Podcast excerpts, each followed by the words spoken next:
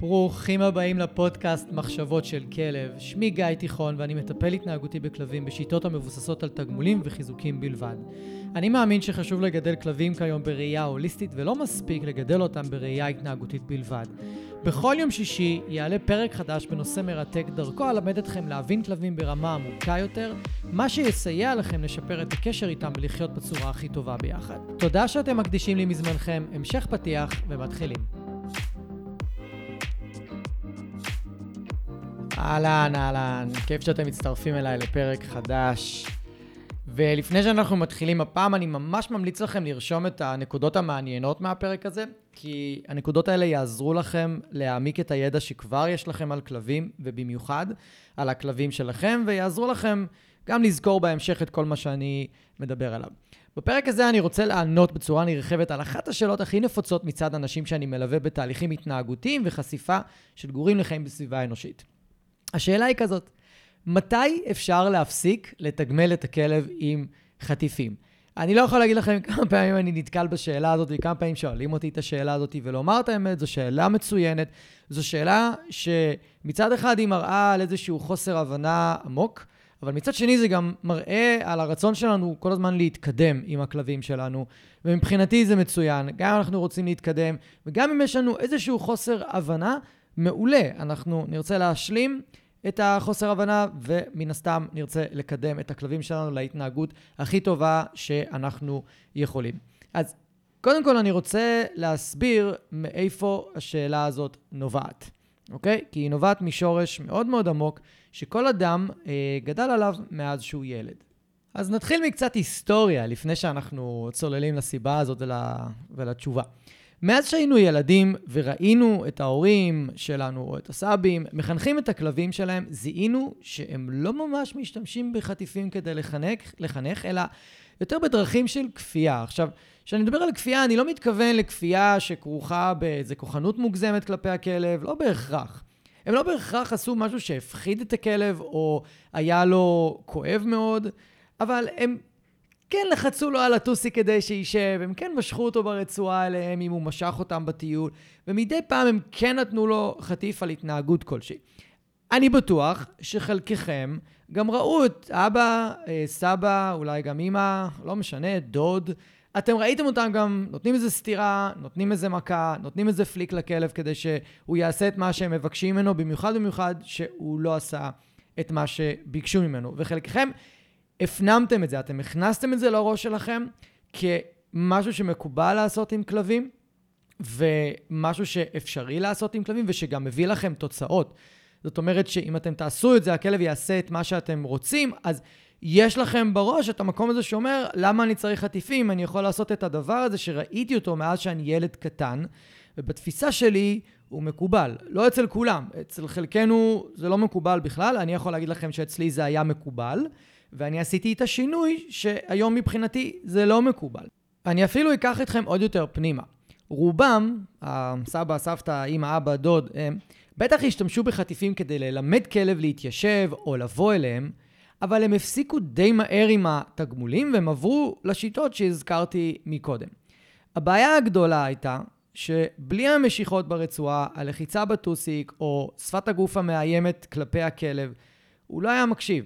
אוקיי? הם תמיד היו צריכים להכריח אותו לעשות את מה שהם ביקשו בדרך כזו או אחרת. עכשיו, אני יודע, אני יודע. חלקכם לא מסכימים איתי כרגע, כי אולי היה לכם כלב שעשה הכל בלי שצריך לכפות עליו. ונכון, יש כלבים כאלה, אבל הם המיעוט, הם היוצאים מהכלל. מעט מאוד כלבים נהנים לבצע עבורנו התנהגויות בשביל תגמול מועט, או בלי תגמול בכלל, או כי הם זוכרים שהם קיבלו איזשהו תגמול. אוקיי? הם נדירים. זה לא הכלל. והבעיה כאן היא זה שאותם אנשים שגדלו עם כלבים כאלה, מרצים, אני מתכוון, עם היענות מאוד מאוד גבוהה, מניחים שככה מתנהגים רוב הכלבים, בעוד שהמציאות מראה באופן חד משמעי שרוב הכלבים לא מעניין אותם לעשות את מה שאנחנו מבקשים, אלא אם יצרנו מוטיבציה חזקה מאוד עבורם, שכדאי להם לשתף פעולה. עכשיו, למה זה קשור לחטיפים ולאילוף? מהסיבה הכי פשוטה. כי לכל יצור בעולם, במיוחד אם אנחנו מדברים על יונקים, יש שתי סיבות עיקריות, אולי אפילו בודדות, לעשות משהו. וזה הרצון לחוות הנאה או עונג, או הרצון להימנע מכאב ואי נעימות. למשל, אם אתם תסתכלו עלינו רגע, מהי הדרך להכריח אותנו לשלם מיסים, קנסות וכל מיני דברים כיפיים שכאלה? מה? רק ענישה מאוד לא נעימה. אנחנו עושים ומשלמים כדי להימנע מענישה. עכשיו, זה נכון שאנחנו גם רוצים להיות אזרחים הגונים, אבל זה לא מסב לנו עונג. זו לא המוטיבציה האמיתית לשלם מיסים וקנסות. המוטיבציה האמיתית היא הימנעות מקנס יותר גדול, מריבית על, ה- על המיסים שלא שילמנו, נכון? זה המוטיבציה האמיתית. עכשיו בואו ניקח את זה לכלבים. הסיבה היחידה שהכלב שלכם יישאר קשוב וממושמע למה שאתם תבקשו תהיה כי הוא ירוויח משהו שהוא מאוד אוהב ומאוד נהנה לקבל, או שהוא יימנע ממשהו לא נעים שיקרה מכם או מהסביבה.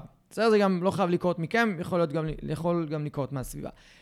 זהו, זוהי כל התורה על מוטיבציה שמגיעה מבחוץ, מהסביבה. עכשיו, אני לא אכנס כאן על מוטיבציה פנימית אה, של הכלב לבצע התנהגויות, כי זה נושא גדול בפני עצמו, ואנחנו פשוט לא ניכנס לזה כרגע.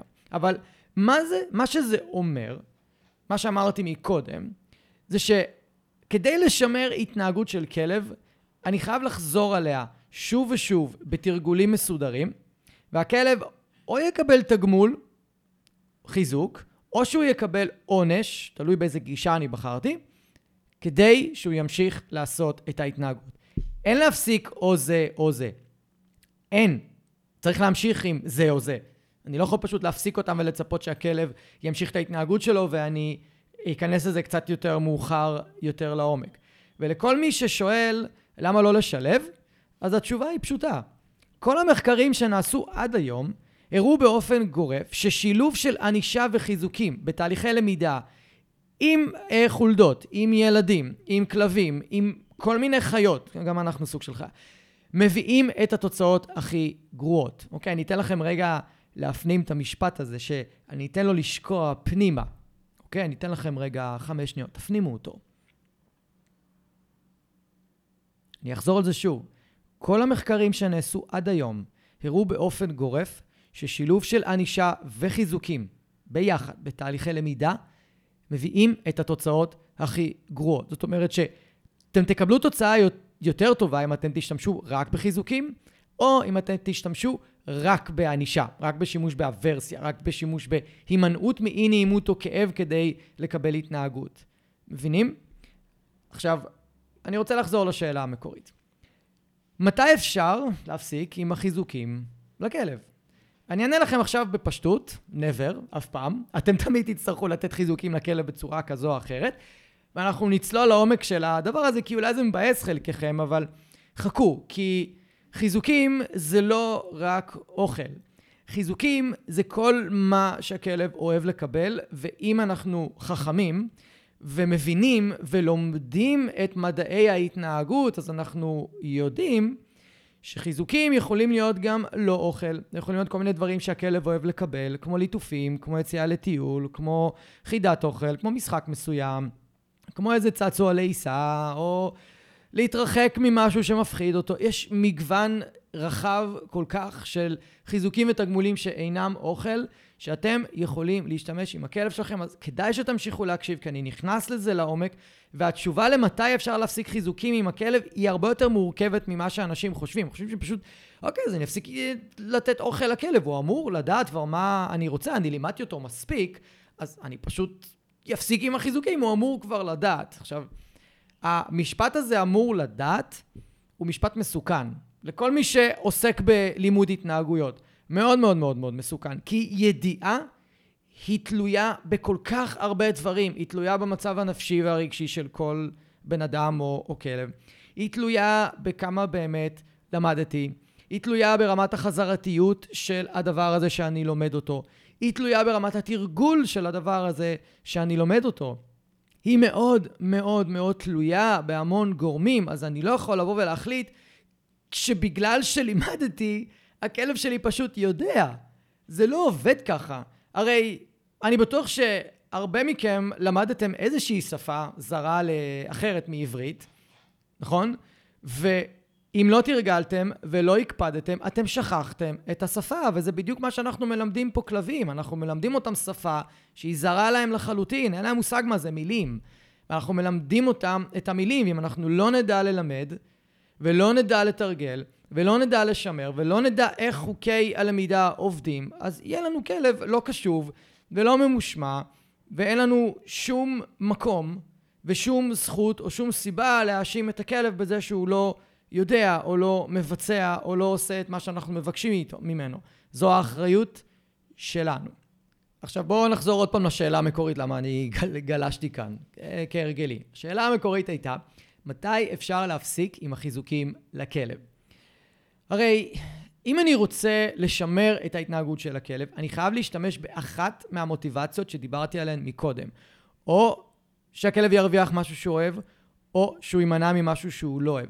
וכאן שורש הבעיה בכלל בלשאול את השאלה הזאת, כי מתי, מתי אני יכול להפסיק עם החיזוקים של הכלב? כי באותה מידה, אם אני חייב להשתמש באחת המוטיבציות האלה, אז אם אני לא משתמש בחיזוקים, אני אשתמש במשהו שהוא לא נעים לכלב, שזה בדרך כלל ענישה או חיזוק שלילי. אז אם אני חייב את אחת המוטיבציות, זאת אומרת שאני חייב להמשיך להשתמש או בחיזוק, או בענישה, או בחיזוק, או בענישה, אני חייב להשתמש באו משהו שהכלב שלי מאוד אוהב, או שאני חייב להשתמש בטכניקות שגורמות לכלב שלי לעשות משהו כי יקרה משהו שהוא לא אוהב. והשאלה הזו מחביאה בתוכה ציפייה שמתישהו הכלב פשוט ירצה לעשות את מה שאנחנו מבקשים ממנו, בלי שתהיה לו שום מוטיבציה כלשהי, או חתירה לעונג, או הימנעות מכאב ואי נעימות.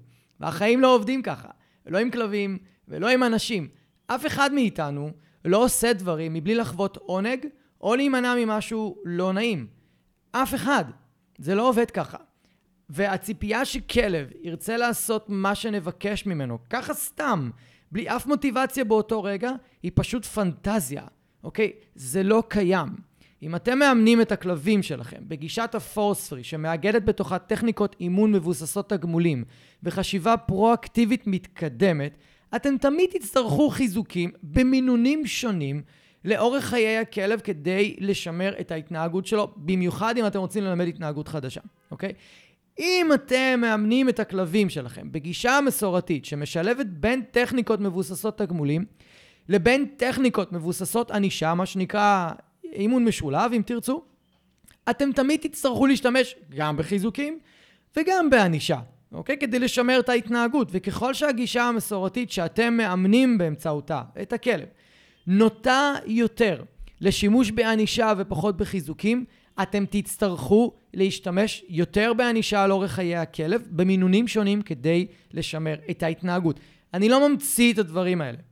אלה חוקי הלמידה. אתם מוזמנים ללכת ולבדוק את זה בעצמכם, בכל אתר שמדבר ומלמד על פסיכולוגיה. הכי בסיסית שיש. אתם יכולים לקבל את המידע הזה וללמוד אותו בעצמכם, ולראות שמה שאני אומר כאן עכשיו, זה מה שידוע למדע היום, ככה אנחנו מלמדים. אז אם אתם רוצים להפסיק שימוש בחטיפים, אתם תהיו חייבים להשתמש במוטיבציה השנייה, שאי הימנעות מכאב או אי נוחות. אתם תהיו חייבים להשתמש בטכניקות מבוססות ענישה וחיזוק שלילי כדי לשמר התנהגות. אז באותה מידה ששואלים אותי מתי אפשר להפסיק עם החיזוקים, אני תמיד אשאל את מי שמשתמש בענישה את אותה שאלה, מתי אפשר להפסיק עם הענישה לכלב? ואני אחזור על זה עוד פעם. אין כלב בעולם או יצור חי, אוקיי, בואו נדבר על יונקים כרגע, כי אין לי כזה ידע גדול ונרחב ביצורים אחרים שאינם יונקים. שעושה דברים שאין בהם או חוויה של עונג, או חוויה של הימנעות מכאב, או אי נעימות, או שניהם ביחד. אוקיי? למשל, אכילה, כאשר ממש רעבים והבטן ממש מקרקרת, יכולה להיות חוויה של עונג והימנעות מאי נעימות, נכון? ואפשר להתפלסף על המשפט על זה, כי יש עוד מורכבויות שמשחקות תפקיד בתוך העניין ההתנהגותי הזה, אבל אני רוצה רגע לפשט לכם את תהליך הלמידה ואיך כלבים חושבים ואיך הדברים עובדים. אז אני לא נכנס למורכבויות גדולות מדי, כמו איך אה, הרגלים משחקים תפקיד בהתנהגות שלנו, אוקיי? ואנחנו גם לא כך יודעים איך זה עובד עם כלבים, לצורך העניין, אבל לא ניכנס לזה. אז זו גם הזדמנות טובה להזכיר למי שאולי לא מכיר אותי וטרם הקשיב לפרק הראשון שבו אני אה, מספר על עצמי וחושף את תהליך המעבר שאני עברתי לתהליכי אילוף מבוססים תגמולים בלבד, ללא ענישה מכוונת כלפי הכלב. אני אימנתי כלבים קרוב לחמש שנים באמצעות ענישה ושימוש באביזרים כמו חנק, חשמל ותוקרנים ועוד אביזרים, ואני ראיתי במו עיניי איך כלבים מפסיקים לשתף פעולה ברגע שמורידים מהם את הענישה. ברגע שהפסקתי להשתמש בענישה, פשוט ההתנהגות שלהם חזרה, אוקיי? וראיתי במו עיניי איך כלבים חוזרים להתנהגות המקורית שלהם ברגע שלא הייתה ענישת, אה, ענישה יותר. אני מדבר מניסיון אישי וגם מתוך מחקר אישי על הנושא הזה. יותר מזה, כלבים הם כל כך חכמים, שאם הם מזהים את הרצון שלנו להעניש אותם, אם הם לא יעשו את מה שנבקש, אז הם גם יבצעו ללא השימוש בענישה. וזה גורם לאנשים להאמין שאין צורך בענישה יותר, אבל זאת, זאת האשליה. הכלב חכם ומזהה את הכוונה שלנו, או שלכם, בניואנסים הכי קטנים בשפת הגוף. כלבים מאוד מאוד טובים בזיהוי סימנים מקדימים לדברים שהם מפחדים מהם או לא נעימים להם. אז אחרי תקופה שלא תהיה ענישה, ורק היו סימנים מקדימים שאולי תהיה ענישה, אבל בלי הענישה, הכלב בהדרגה יחזור להתנהגות הישנה שלו. אני ראיתי את זה קורה כל הזמן. זאת אחת הסיבות שהפסקתי להשתמש בענישה, כי תמיד לימדו אותי שמתישהו אני מפסיק עם הענישה והכלב עושה, וזה פשוט היה לא נכון. הכלבים פשוט חזרו להתנהגות שלהם. כל עוד לא הייתה ענישה, או כל עוד לא היה רמז לשימוש בענישה, אוקיי? ומהסיבה הזאת גם אני מלמד לקוחות שלי שעברו בעבר אילוף מבוסס ענישה במשך תקופה ארוכה, שברגע שנסיר את הענישה תהיה רגרסיה. אוקיי, רגרסיה במרכאות, זה לא באמת רגרסיה. והכלב יחזור להתנהגויות הישנות שלו ושלא יהיו מופתעים. קוראים לתהליך הזה החלמה ספונטנית של התנהגות ישנה, אתם יכולים לקרוא על זה בכל ספר פסיכולוגיה שיש. בכל ספר פסיכולוגיה, באמת. הכי בסיסי. אתם תמיד תצטרכו חטיפים וסוגי תגמולים על מנת לשמר את ההתנהגות של הכלב שלכם, תמיד. ואתם תמיד תצטרכו ענישה, במידה ובחרתם לאמן ככה את הכלב שלכם, כדי לשמר את ההתנהגות שלו. תמיד. אין כלב, אין כלב ואין יצור חי, אוקיי? שלא מונע מאחת משתי המוטיבציות האלה. ממש חשוב להפנים את זה. או חתירה לעונג, או הימנעות מכאב ואי נעימות. אלה שתי המוטיבציות ששולטות בחיים שלנו בכל רגע נתון, ואני מזמין אתכם להסתכל על עצמכם כשאתם עושים משהו. מה גרם לכם ללכת עכשיו למקרר ולהוציא אוכל? הייתה איזושהי אי נעימות שהתעוררה בגוף ואתם בגלל זה הלכתם למקרר כדי להוציא אוכל או כדי לשתות משהו מתוק? האם אתם הולכים לעשות ספורט מסוים? מה המוטיבציה? אי נעימות מאיך שאתם חושבים על הגוף שלכם, או שאתם פשוט ממש נהנים מה, מהספורט עצמו. ויכול להיות שבהתחלה זה התחיל מאי נעימות ועבר להנאה מלאה מהספורט, או שאולי זה כבר איזשהו שילוב של שני הדברים, ואז בגלל זה זה גורם לכם להתמיד נורא במה שאתם עושים. אני ממש מזמין אתכם לבחון את הדברים שאני אומר כאן על עצמכם, כדי שאתם תוכלו להכיר את הכלבים שלכם ברמה הרבה יותר עמוקה. עכשיו, אני יודע שהנושא הזה יכול להיות מאוד מורכב כששומעים אותו בפעם הראשונה. אני יודע כמה לי זה היה מאוד מורכב ומאוד uh, מסעיר לפעמים להבין את, ה, את, ה, את הנושא הזה, אז אני מזמין אתכם שאם יש איזשהו קושי להבין אותו, קודם כל אתם מוזמנים לכתוב לי במסנג'ר, או לכתוב לי איזושהי הודעה, יש מלא דרכים להשיג אותי, או במייל, במייל אפילו עדיף. אתם מוזמנים פשוט לפנות אליי, לשאול אותי, אני אשמח לענות לכם. אני יודע כמה שהנושא הזה אה, יכול להיות מאתגר להבנה. אז עכשיו, בואו נדבר על איך מפחיתים את השימוש בחיזוקים, כי בסך הכל, להגיע למצב שההתנהגות שאנחנו רוצים ללמד את הכלב הופכת להרגל, זו אחת המטרות שאנחנו מכוונים אליה, וגם הופכת את החיים לקלים ונוחים יותר. אוקיי? וכשאני מדבר על חיזוקים, הכוונה שלי הייתה לאוכל. אתה מדבר על חיזוקים שאינם אוכל. אז אני רוצה רגע לתת לכם שתי דוגמאות להתנהגויות שאפשר ללמד כדי שבעתיד ההתנהגויות האלה יהפכו להרגל. כי זה הדבר הראשון שאנחנו רוצים לעשות, שאנחנו מלמדים כלב התנהגות, אוקיי? בואו נדבר על הדוגמה הראשונה. כולכם כמעט מלמדים את הכלב שלכם לשבת לי, ליד הדלת לפני שהוא יוצא לטיול, נכון? רוב האנשים מלמדים את זה. בהתחלה אתם מלמדים אה, את הכלב לשבת עם אוכל בסיטואציה אחרת לגמרי, לא ליד הדלת, פשוט מלמדים אותו את פעולת ההתיישבות ואת פעולת הישיבה הממושכת, בלי קשר לדלת, אוקיי? ואז מבקשים את ההתנהגות ליד הדלת אחרי שהוא למד אותה לא ליד הדלת. נכון? זה בדרך כלל מה שרוב האנשים עושים, זה בדרך כלל תהליך למידה שרוב האנשים מכירים. ככל שאתם מקפידים יותר לבקש מהכלב לשבת ולהישאר בישיבה עד שאתם משחררים אותו לצאת מהדלת, ככה הוא יתמיד יותר וההתנהגות תהפוך להרגל. אבל רגע, מה החיזוק של הכלב על הישיבה לפני היציאה מהטיול, אם אנחנו כבר לא נותנים לו שם אוכל? אז בטח חלקכם יודעים את התשובה, וזה הטיול עצמו. היציאה לטיול זה התגמול של הכלב שמאפשר לכם להמשיך לחזק את הישיבה לפני היציאה לטיול בלי אוכל ולהפוך את ההתנהגות להרגל. כמה מכם, הכלבים שלהם, רואים את הרצועה וניגשים ליד הדלת, מתיישבים, מחכים שתשימו את הרצועה וממשיכים לשבת עד שאתם אומרים להם לצאת ולעבור את uh, מפתן הדלת, נכון? כמה מכם יש להם כלבים כאלה? אני מנחש שדי הרבה.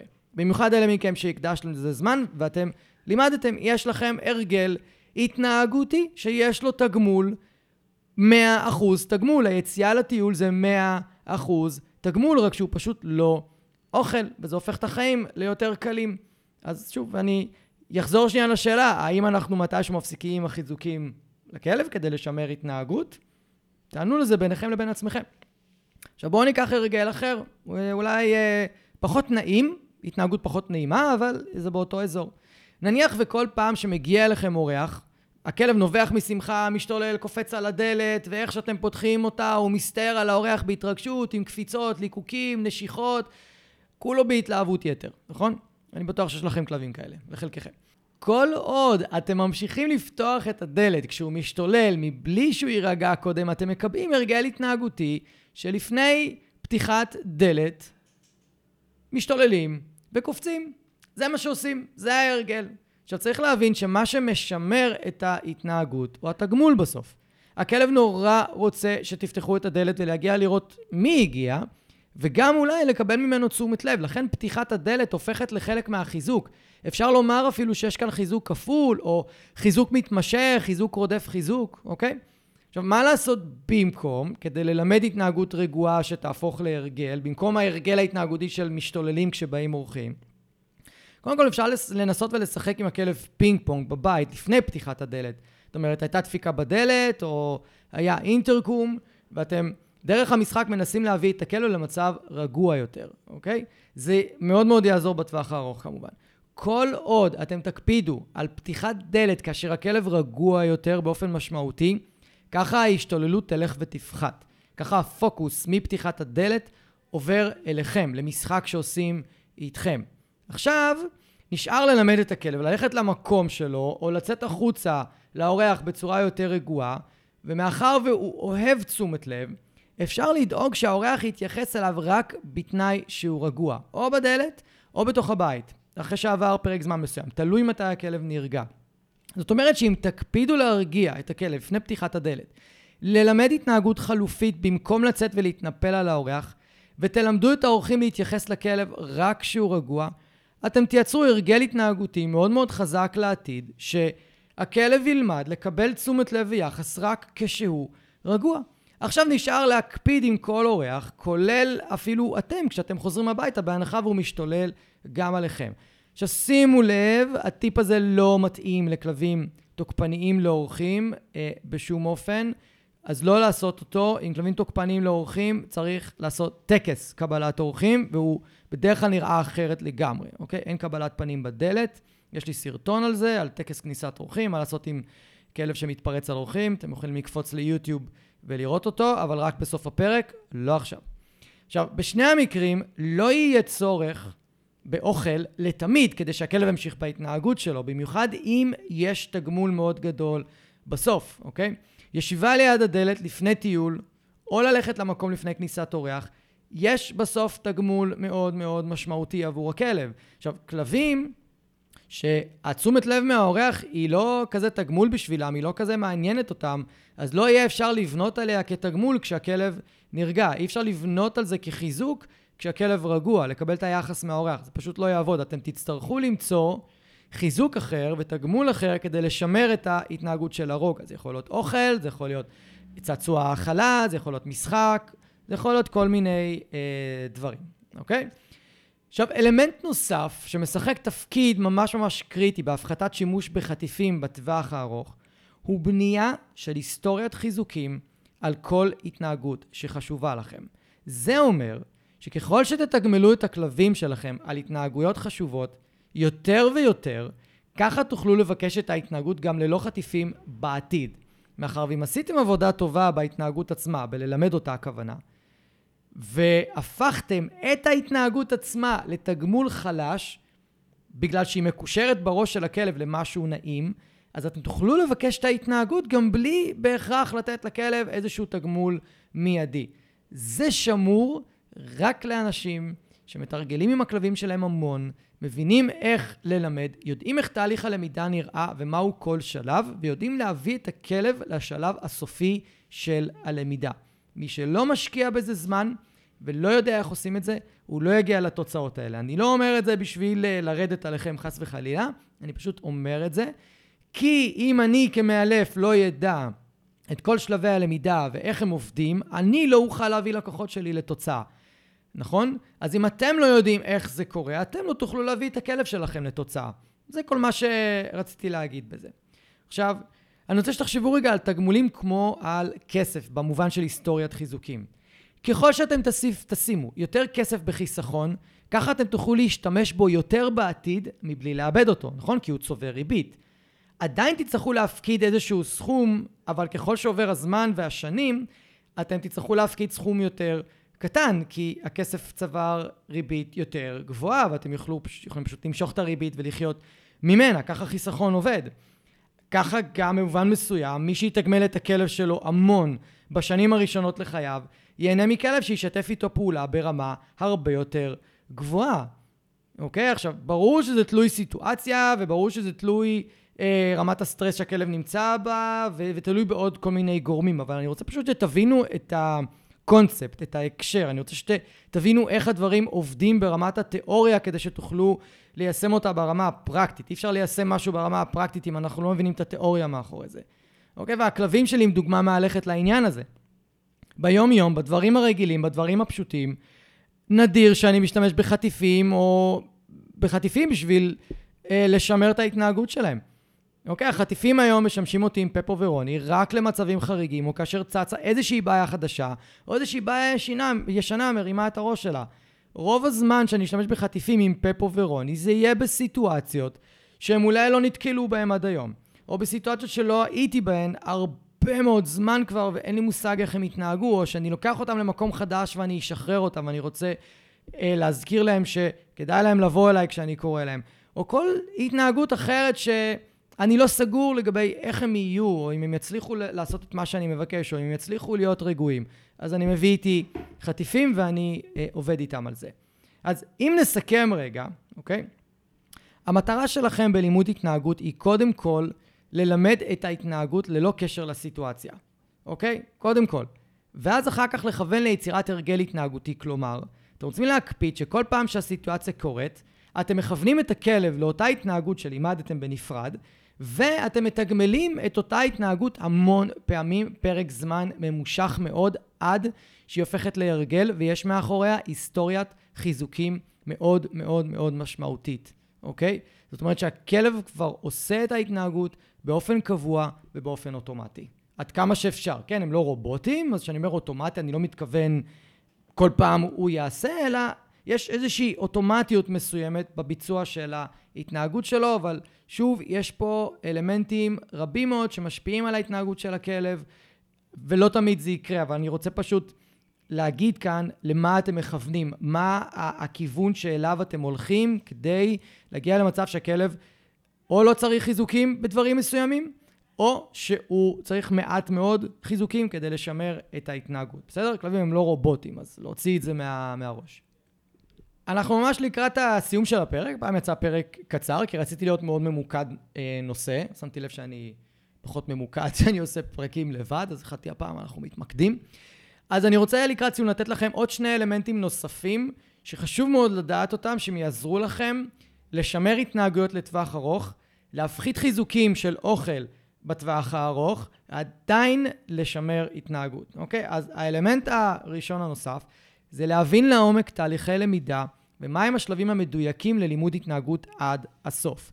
רוב האנשים נתקעים בשלב מאוד מוקדם של תהליך הלמידה והם לא מסיימים אותו, ואז הם מצפים מהכלב לתפקד ברמה גבוהה, זה פשוט לא יקרה, אוקיי? זה לא יעבוד. כמו שאני למדתי לעומק תהליכי למידה בסיסיים, וממשיך ללמוד על תהליכי למידה מורכבים, ככה גם אתם חייבים ללמוד עליהם ולהכיר אותם לעומק, אוקיי? למשל, תהליך למידה יותר מורכב שיצא לי ללמוד לפני כמה שנים, נקרא Do as I do. זה תהליך למידה שהוא מורכב מכמה וכמה אלמנטים, שאנחנו בסופו של דבר, אם אנחנו הולכים לפי השלבים, יכולים, לא עם כל כלב, יכולים להגיע למצב שהכלב לומד לחקות אותנו, וככה אנחנו הולכים ללמד אותו התנהגות, דרך חיקוי. איזה משוגע זה? איזה מטורף זה. זה הוכח במחקרים שזה יכול לקרות ושזה יכול לעבוד אם יש תנאים מסוימים, אוקיי? וזה די פסיכי. וזה תהליך למידה מורכב. מי שרוצה יכול לחפש פשוט do as I do ב- באינטרנט של קלאודיה פוגצה, והיא הייתה פה גם בארץ להעביר סמינר בעניין הזה, שהיה מאוד מרתק, ואתם אה, מאוד מוזמנים ללכת ולחפש על זה חומר. ואתם תראו, אני מעודד בכל פרק להמשיך ולקרוא וללמוד עוד על כלבים, כמה שיותר. ומי שימשיך להקשיב לי בפודקאסט הולך בסופו של דבר להיות מומחה בהתנהגות כלבים. אני, זאת התחייבות שלי אליכם. אתם רואים לאיזה רמה אנחנו יורדים ולאיזה עומק אנחנו יורדים ולאיזה רמת הבנה אתם יכולים להגיע אם אתם מקשיבים לפודקאסט הזה. בסופו של דבר אתם תגיעו לרמת קשר והבנה כל כך גבוהה עם הכלב שלכם, שזה יהיה לכם כל כך כיף, אוקיי? זה, זה יוריד גם המון סטרס מהחיים שלכם, כי אתם תבינו את הכלבים יותר לעומק. אני לא יכול להגיד לכם כמה סטרס יורד ממני ומהלקוחות שלי, כשאנחנו לומדים להכיר ולהבין את הכלב ברמה יותר עמוקה. כי אז אנחנו יודעים לצפות אותו, אנחנו יודעים, לה, אנחנו יודעים מה עוזר לו, אנחנו יודעים איך לעזור לו בכל סיטואציה, אנחנו יודעים המון דברים ש, שעוזרים לנו עם הכלב. בקיצור, האלמנט השני הנוסף, ועם זה אנחנו נסיים, זה למצוא חיזוקים שאינם אוכל ולהשתמש בהם על בסיס קבוע. חיזוק יהיה כל דבר שהכלב אוהב לקבל באותו רגע. יהיו מצבים שהוא ירצה רק אוכל, יהיו מצבים שגם משחק משיכות הוא יאהב לקבל, יהיו מצבים שהוא ירצה ללעוס מקל, יהיו כל מיני דברים שהכלב ירצה לקבל. אתם יכולים לעשות רשימה של חיזוקים שאינם אוכל, לפי רמת החשיבות שלהם בעיני הכלב, לא בעיניכם, בעיני הכלב, ונסו להשתמש בהם בכל מיני מצבים. אני פעם עשיתי אימון עם כלב, רצינו ללמד אותו להתפרץ פחות על כלבים. באנו עם אוכל, באנו עם חטיפים ממש שווים, התחלנו את התרגול, ומה אנחנו מגלים? שהכלב לא מתעניין באוכל. הכלב לא רוצה את האוכל. כל התרגול, הכלב לא רוצה את האוכל. אבל בהפסקה הראשונה של התרגולים, מה אני שמתי לב? בין התרגולים הכוונה, שמתי לב שהוא מחפש זבל. זבל לא לאכול, זבל להתעסק איתו. כוסות פלסטיק, כוסות נייר, מקלות, עטיפות של כל מיני דברים. אני אפילו עשיתי על זה פוסט מזמן, מזמן, מזמן, וצילמתי את כל הערימת זבל שאספנו, ובסופו של דבר השתמשנו בערימת זבל הזאת בתור חיזוקים לכלב. יצא שלא השתמשנו עם אוכל בתרגול, יצא שהשתמשנו בערימת זבל שהכלב מצא. כל פעם שסיימנו תרגול הוא קיבל חתיכת זבל אחרת להתעסק איתה. והתרגול הלך פרפקט. הרבה יותר טוב מאשר עם האוכל, אוקיי? זה נקרא לצאת מהקופסה. זה נקרא לעבוד בגישה של פורס פרי. זה שהכלב לא רוצה את האוכל, לא אומר שאני ישר עובד איתו לעבודה עם ענישה. ואני מתקן אותו ואני לא יודע מה אני עושה. לא, אני חושב מחוץ לקופסה, אני מביא פתרונות אחרים, אני מפעיל את המוח שלי, אני חוקר את הכלב, חוקר את ההתנהגות שלו, ולומד מה יעבוד לי באותה סיטואציה. כן, זה לא יעבוד ב-100% מהמקרים, ולפעמים אני לא אצליח למצוא מוטיבציה לכלב, ואז אני צריך לשקול. להפסיק את התרגול, להפסיק את האימון, לחזור לאימונים לפני שאני עובד עם הטריגרים, או שאני מנסה למצוא איזושהי קונסטלציה אחרת לעבוד עם הכלב. וככל שהמאמן והמאלף הוא, נגיד, כישרוני יותר, מנוסה יותר, חושב מחוץ לקופסה יותר, סביר יותר שהוא ימצא עוד איזה שהם אה, פתרונות, אוקיי? אז אמרתי, תעשו רשימה של חיזוקים שאינם אוכל לפי רמת החשיבות שלהם בעיני הכלב ותנסו להשתמש בהם במצבים שונים. וככל שתזהו איזה חיזוק שאינו אוכל יעבוד בסיטואציה המסוימת, ככה אתם תוכלו להוריד שימוש בחטיפים. כמו היציאה לטיול, שזה הדלת. כמו ישיבה לפני שהכלב מקבל את האוכל, ואז הוא אוכל. אבל אתם מתגמלים ישיבה לפני דברים שהכלב רוצה לקבל. ישיבה לפני יציאה לחצר, זה ממש חזק. ישיבה לפני שזורקים לכלב כדור. עמידה לפני מעבר חצייה. כלבים מאוד אוהבים לעבור את הכביש, הם מאוד אוהבים להימנע מהמכוניות, הם מאוד אוהבים לעבור את הכביש מהר. מבט עליכם כשמופיע איזשהו טריגר, ואז התרחקות הצידה, ועוד ועוד ועוד ועוד. אז אם אני ממש לקראת סיום צריך לענות על השאלה ששאלנו בתחילת הפרק, ואני אנסח אותה כמו שבדרך כלל אתם שואלים אותי, גיא, מתי מפסיקים עם החטיפים האלה, ומתי אני יכול להפסיק לקחת אותם כל טיול ולטנף את הידיים שלי עם החטיפים? אז אין תשובה אחת. התשובה היא לא יכולה להיות אף פעם, והתשובה לא יכולה להיות אתה תמיד תצטרך להשתמש בחטיפים. קודם כל, זה כל כך תלוי איזה מוטיבציה יש לכלב, האם אוכל זה המניע העיקרי שלו או היחידי שלו, או שיש לו עוד מניעים כמו משחק, או רצון להתרחק ממה שלא נעים לו, או כל מיני דברים שאתם יכולים להעלות על דעתכם. השאלה מה המוטיבציה הכי חזקה של הכלב שלכם, אוקיי? ומה אה, יעבוד איתו בכל סיטואציה ובכל מצב. אז אין תשובה כאן, אין תשובה אחת, היא מורכבת, ראיתם? אני ניסיתי לפרק לכם אותה ב, ב, בפרק הזה, אבל אני רוצה שאתם תזכרו מהפרק הזה משהו אחד, והוא הדבר הכי הכי המשמעותי והכי חזק שאני אמרתי בפרק הזה. אם אתם עובדים עם הכלב שלכם ומאמנים אותו בשיטות מבוססות תגמולים, אתם תמיד תצטרכו את התגמולים ברמה כזו או אחרת, בין אם הם אוכל או לא אוכל, כדי לשמר את ההתנהגות. אתם לא תוכלו מתישהו להפסיק את כל התגמולים של הכלב ולצפות שהוא ימשיך את ההתנהגות שלו. זה לא יקרה. אם אתם עובדים עם הכלב שלכם ומאמנים אותו בשיטות שמשלבות תיקונים וענישה, סביר להניח גם עם תגמולים ברמה מסוימת, אתם תמיד תצטרכו את התגמולים ואת הענישה, וככל שאתם משתמשים יותר בענישה, תצטרכו יותר ענישה.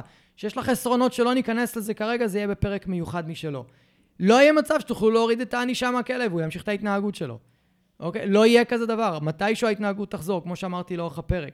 זאת אומרת שתמיד תצטרכו או שימוש בחיזוקים, או שימוש בענישה בשביל לשמר את ההתנהגות. אלה הם חוקי הלמידה שסקינר בכבודו ובעצמו לימד אותנו וחקר אותם והמשיכו לחקור אותם גם היום בכל מיני מקומות והם מגיעים לאותן מסקנות ולאותן תוצאות ואם מישהו אגב יש לו מחקר או משהו או מידע או ידע שמוכיח אחרת בבקשה תשלחו לי כי אם יש משהו שאני אוהב זה ללמוד דברים חדשים ולהבין מתי הדברים ששימשו אותי עד היום אולי לא מדויקים, אולי לא נכונים, ואני אשמח לדעת על זה, ואז גם אני אשמח לעלות על זה פרק ולדבר על זה, ואולי אפילו לארח אתכם, שנוכל לנהל על זה איזשהו אה, דיון. אז אם יש משהו חדש כזה שאתם מכירים, אנא, תשלחו לי, תביאו לי. אני אוהב לקבל את הדברים האלה, אבל כל מה שאני מלמד בפודקאסט זה דברים שאני יודע, ודברים שעד כמה שידוע לי, לא עברו שינוי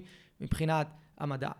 ואם נצא רגע מגבולות המדע שוב פעם, אני רוצה להזכיר גם נקודה שדיברתי עליה בתחילת הפרק, וזה הציפייה שלכם, שאולי הכלב יעשה את מה שאתם מבקשים ממנו כי הוא רוצה, או כי הוא אוהב אתכם, או כי יש לו איזשהו מניע נסתר פנימי כי הוא הכלב שלכם, אוקיי?